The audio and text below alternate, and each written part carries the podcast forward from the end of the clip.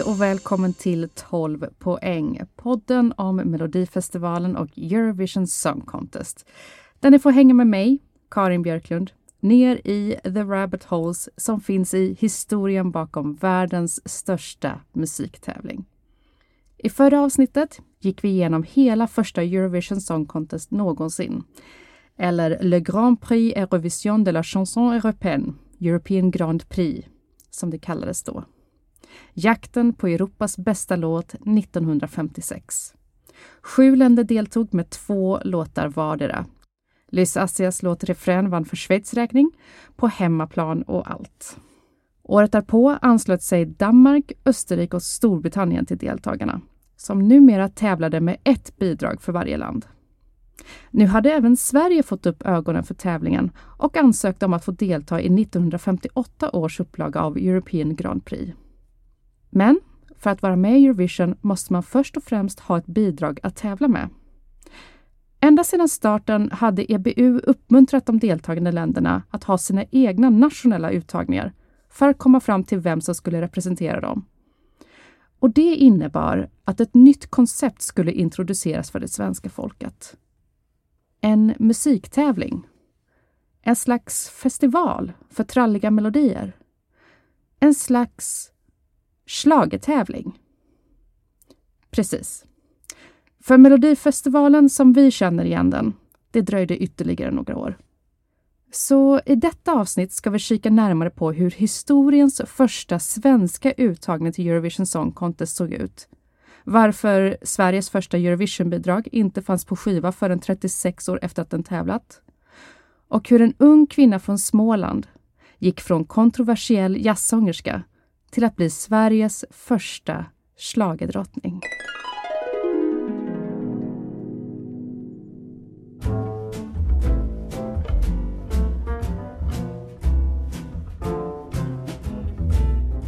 Uppdraget att hitta Sveriges första representant till Eurovision Song Contest föll på Sveriges Radio.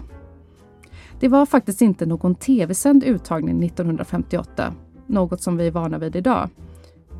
Det var faktiskt inte någon radiosänd uttagning heller för den delen.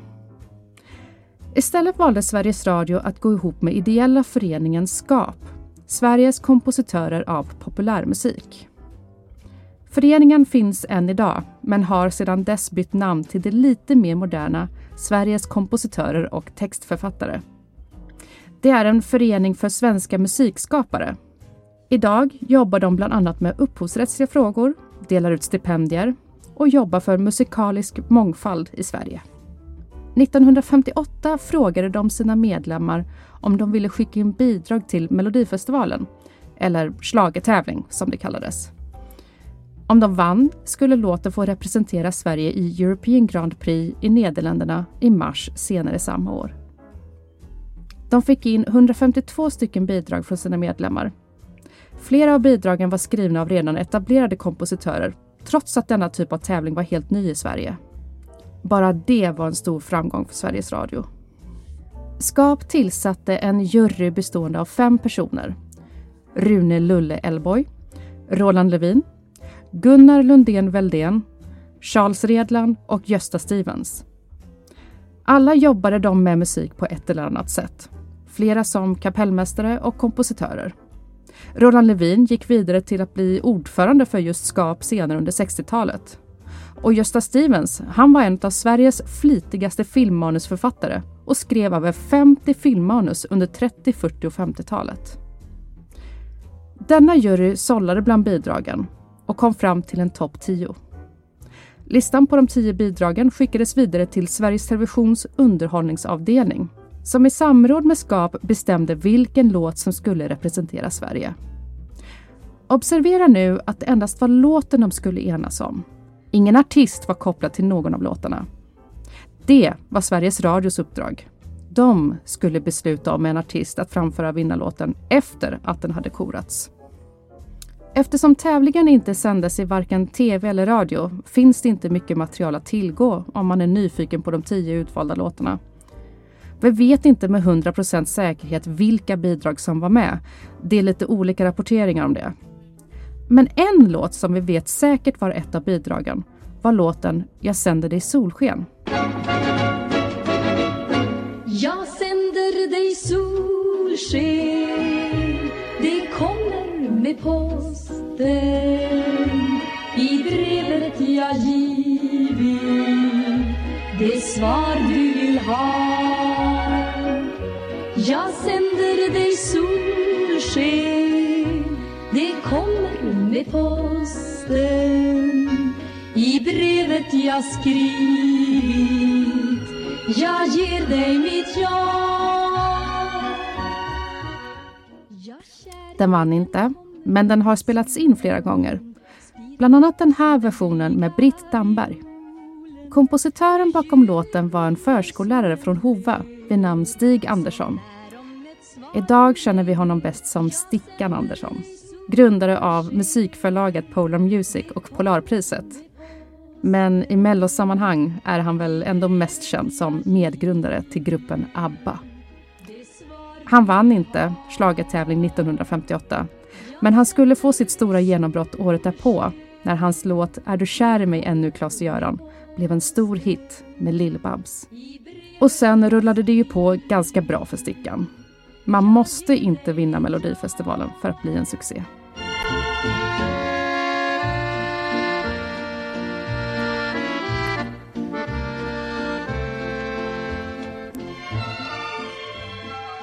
Nej, låten som vann hette Samma stjärnor lysa för oss två, skriven av Åke Gerhard. Han var en låtskrivare som formligen dominerade Melodifestivalens första år. Han skrev vinnarlåten detta året, 1958, men även 1959, 1960, 1961, inte 1962, men däremot 1963. Hans vinnarlycka 1958 var kortvarig. Juryn hade flaggat för att låten påminde om en redan existerande låt från USA. Det var såklart förbjudet att plagiera om man ville vara med i Eurovision. Så för att undvika anklagelser gjordes melodin om. Åke Gerhard var inte överförtjust i det. Men han tillät ändringarna för att undvika konflikt och eventuell diskvalificering. Saknaden efter dig sedan du lämnat mig gör att jag älskar dig blott ännu mer. Högt ovan mörka hus fjärran från stadens brus. Tändas små stjärneljus allt fler och fler. Samma stjärnor lysa för oss två För oss två, för oss två. Därför mötas vi ibland ändå. Högt där uppe i det blå Karlavagnen är vår bäste vän. Bäste vän, bäste vän när på Vintergatan du med den vänder hem Nu kunde Sveriges Radio försöka hitta den artist som skulle framföra låten i Eurovision. Det var lättare sagt än gjort. De ville ha en artist som var talangfull, folklig, populär och en god representant för Sverige. Sveriges Radio vände sig till tonårsidolen Alice Babs.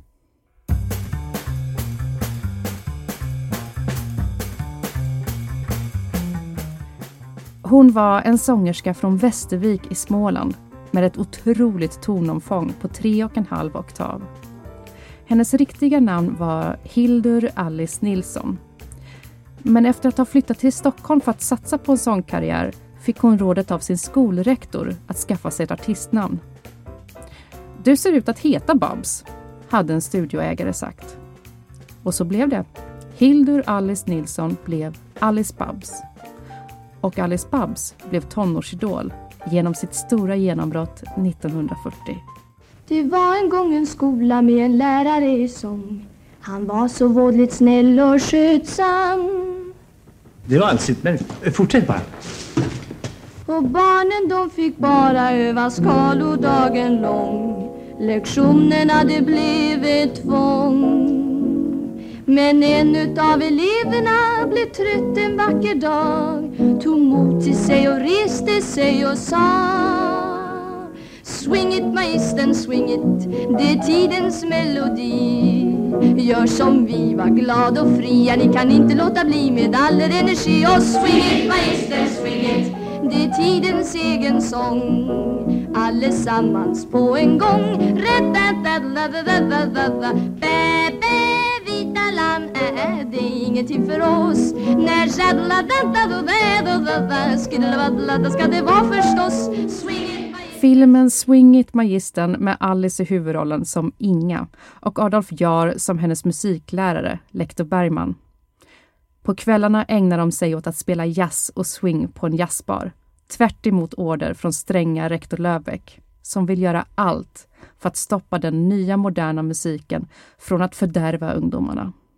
Alice Babs sjöng ledmotivet som blev en stor succé i Sverige. Alla pedagoger borde gå och se den, reta sig över ungdomens respektlöshet och ta sig en tankeställare, skrev Stockholms-Tidningen i sin recension. Den mottogs dock inte lika positivt hos alla. Swing och jazz hade ett ökänt rykte om sig. Under andra världskriget hade swing och jitterbug blivit en symbol för eskapism och populärmusik. Ungdomar drogs till dansställen för att ägna sig åt denna orena genre och det sågs inte med blida ögon av den äldre generationen. I kortfilmen Jitterbug, degeneration eller livsglädje säger de till och med att jitterbug tillhör de lägre rasernas icke förfinade uttrycksformer.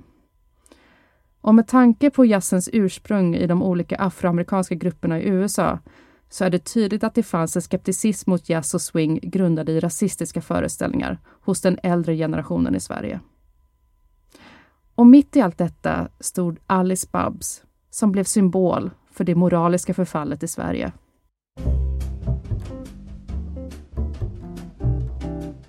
Men ungdomarna älskade Alice. Hon jobbade flitigt under 40-talet och var med i ett 20-tal musikfilmer. Hon spelade in flera skivor och när hon blev tillfrågad att representera Sverige i Eurovision Song Contest 1958 sa hon såklart nej. Sveriges toppsångerska, Sveriges Radios utvalda artist, tackade nej till att vara Sveriges representant. Varför, kan man undra.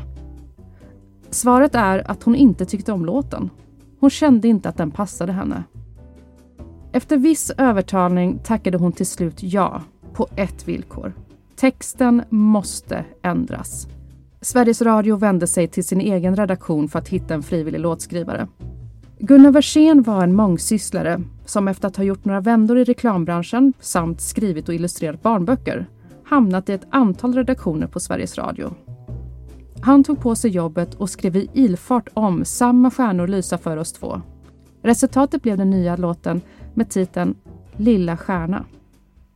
Den skickades till Alice Babs som godkände den nya texten och hon var nu beredd att bli Sveriges representant. Åke Gerhard däremot, låtens originalkompositör, ilsknade till. Hans verk var nu så långt ifrån sin ursprungsversion att han förbjöd alla att någonsin spela in den och ge ut på skiva. Det dröjde till år 1994 för att Åke skulle lätta på förbudet och till slut låta liveversionen från Eurovision Song Contest ges ut på skiva.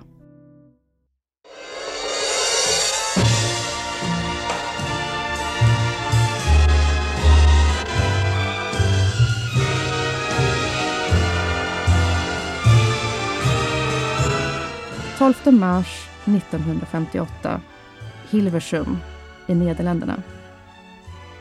Tio länder ska delta i årets Grand Prix Eurovision de la chanson européenne. Storbritannien har valt att inte vara med. Sverige var årets debutant. 1954 hade EBU estimerat att cirka 3 miljoner europeer skulle titta på European Television Season, det som var förlagan till Eurovision Song Contest. Det finns inte några officiella siffror om hur många som tittade på European Grand Prix 1958. Men det har gissats på att ungefär 25 miljoner såg sändningen. Tyvärr inkluderade det inte någon i Sverige. Det fanns nämligen inte någon direktlänk mellan kontinenten och Stockholm. Den svenska juryn hade förpassats till Göteborg där de kunde se sändningen från TV-huset. Resten av Sverige fick se en bandad version några dagar senare. En, en nu dan de eerste Scandinavische deelnemster. En wel Alice Babs uit Zweden. Alice Babs var femte artist för kvällen. Hon kom in på scen klädd i Leksandsdräkt. Orkestern sätter igång och hon börjar sjunga med dem.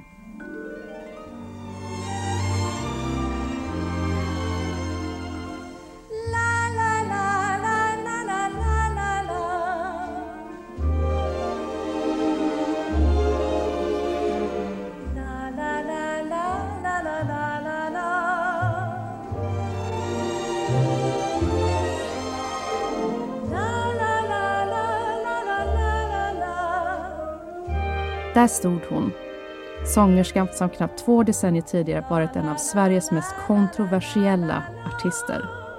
Nu var hon Sveriges första schlagerdrottning.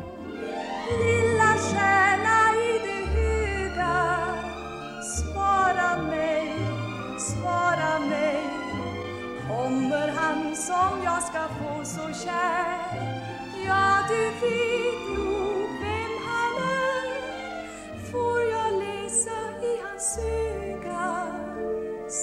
Samma svar, samma svar Som jag tycker att du blinkar nu Lilla stjärna du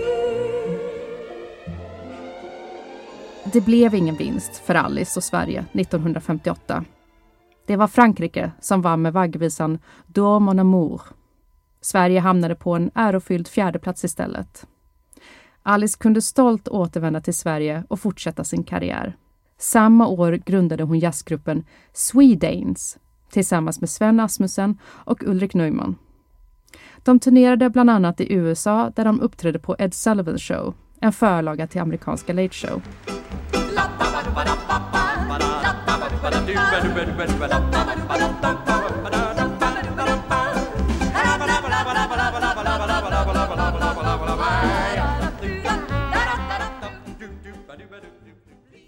Hon fortsatte släppa skivor och toppade de svenska listorna. Under 60-talet började hon samarbeta med legendariska amerikanska jazzkompositören Duke Ellington. Hon var den enda vita sångerskan som Duke Ellington jobbade med. De spelade in flera konserter tillsammans, både i USA och Europa. Här från en tv-sänd konsert i Gustav Vasakyrkan 1968. Ladies and gentlemen, Miss Alice Babs.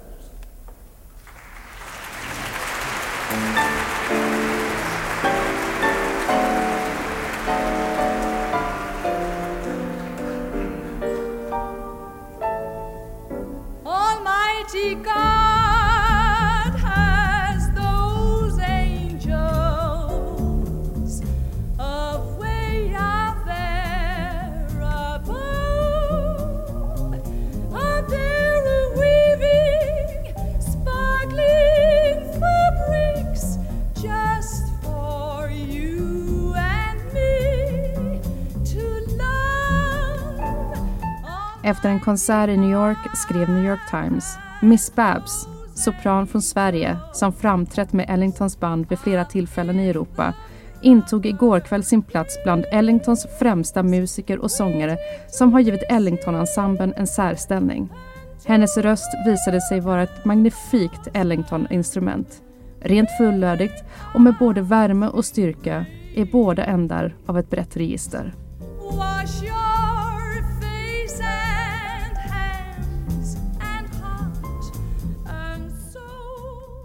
1972 utnämndes hon till hovsångerska, den första hovsångerska som inte var operasångerska.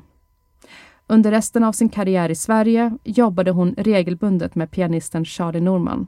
Och även när hon var en bra bit över pensionsålder uppträdde hon till och från. Här i Allsång på Skansen år 2001 ackompanjerad av just Charlie Norman. If you hear a song like a flower crying for the dew. That was my heart serenade.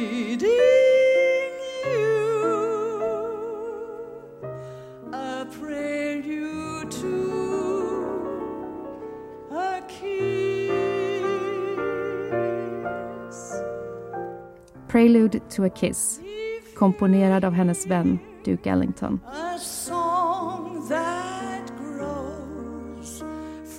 Alice Babs avled den 11 februari 2014, 90 år gammal. Hon gick från kontroversiell swingartist till en av Sveriges mest folkkära och produktiva artister. Tack vare sin talang blev hon Sveriges första schlagerdrottning.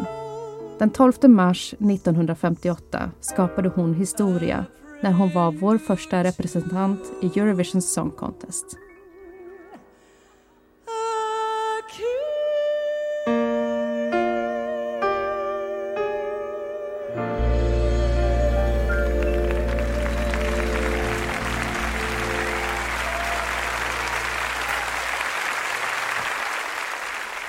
Men hon var inte den enda som skapade historia den kvällen.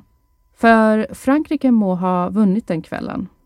Men det var ett annat bidrag som gick vidare till att skapa musikhistoria.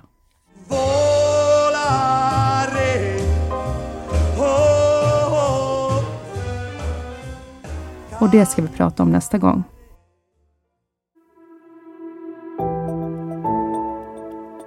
Tack för att du lyssnade.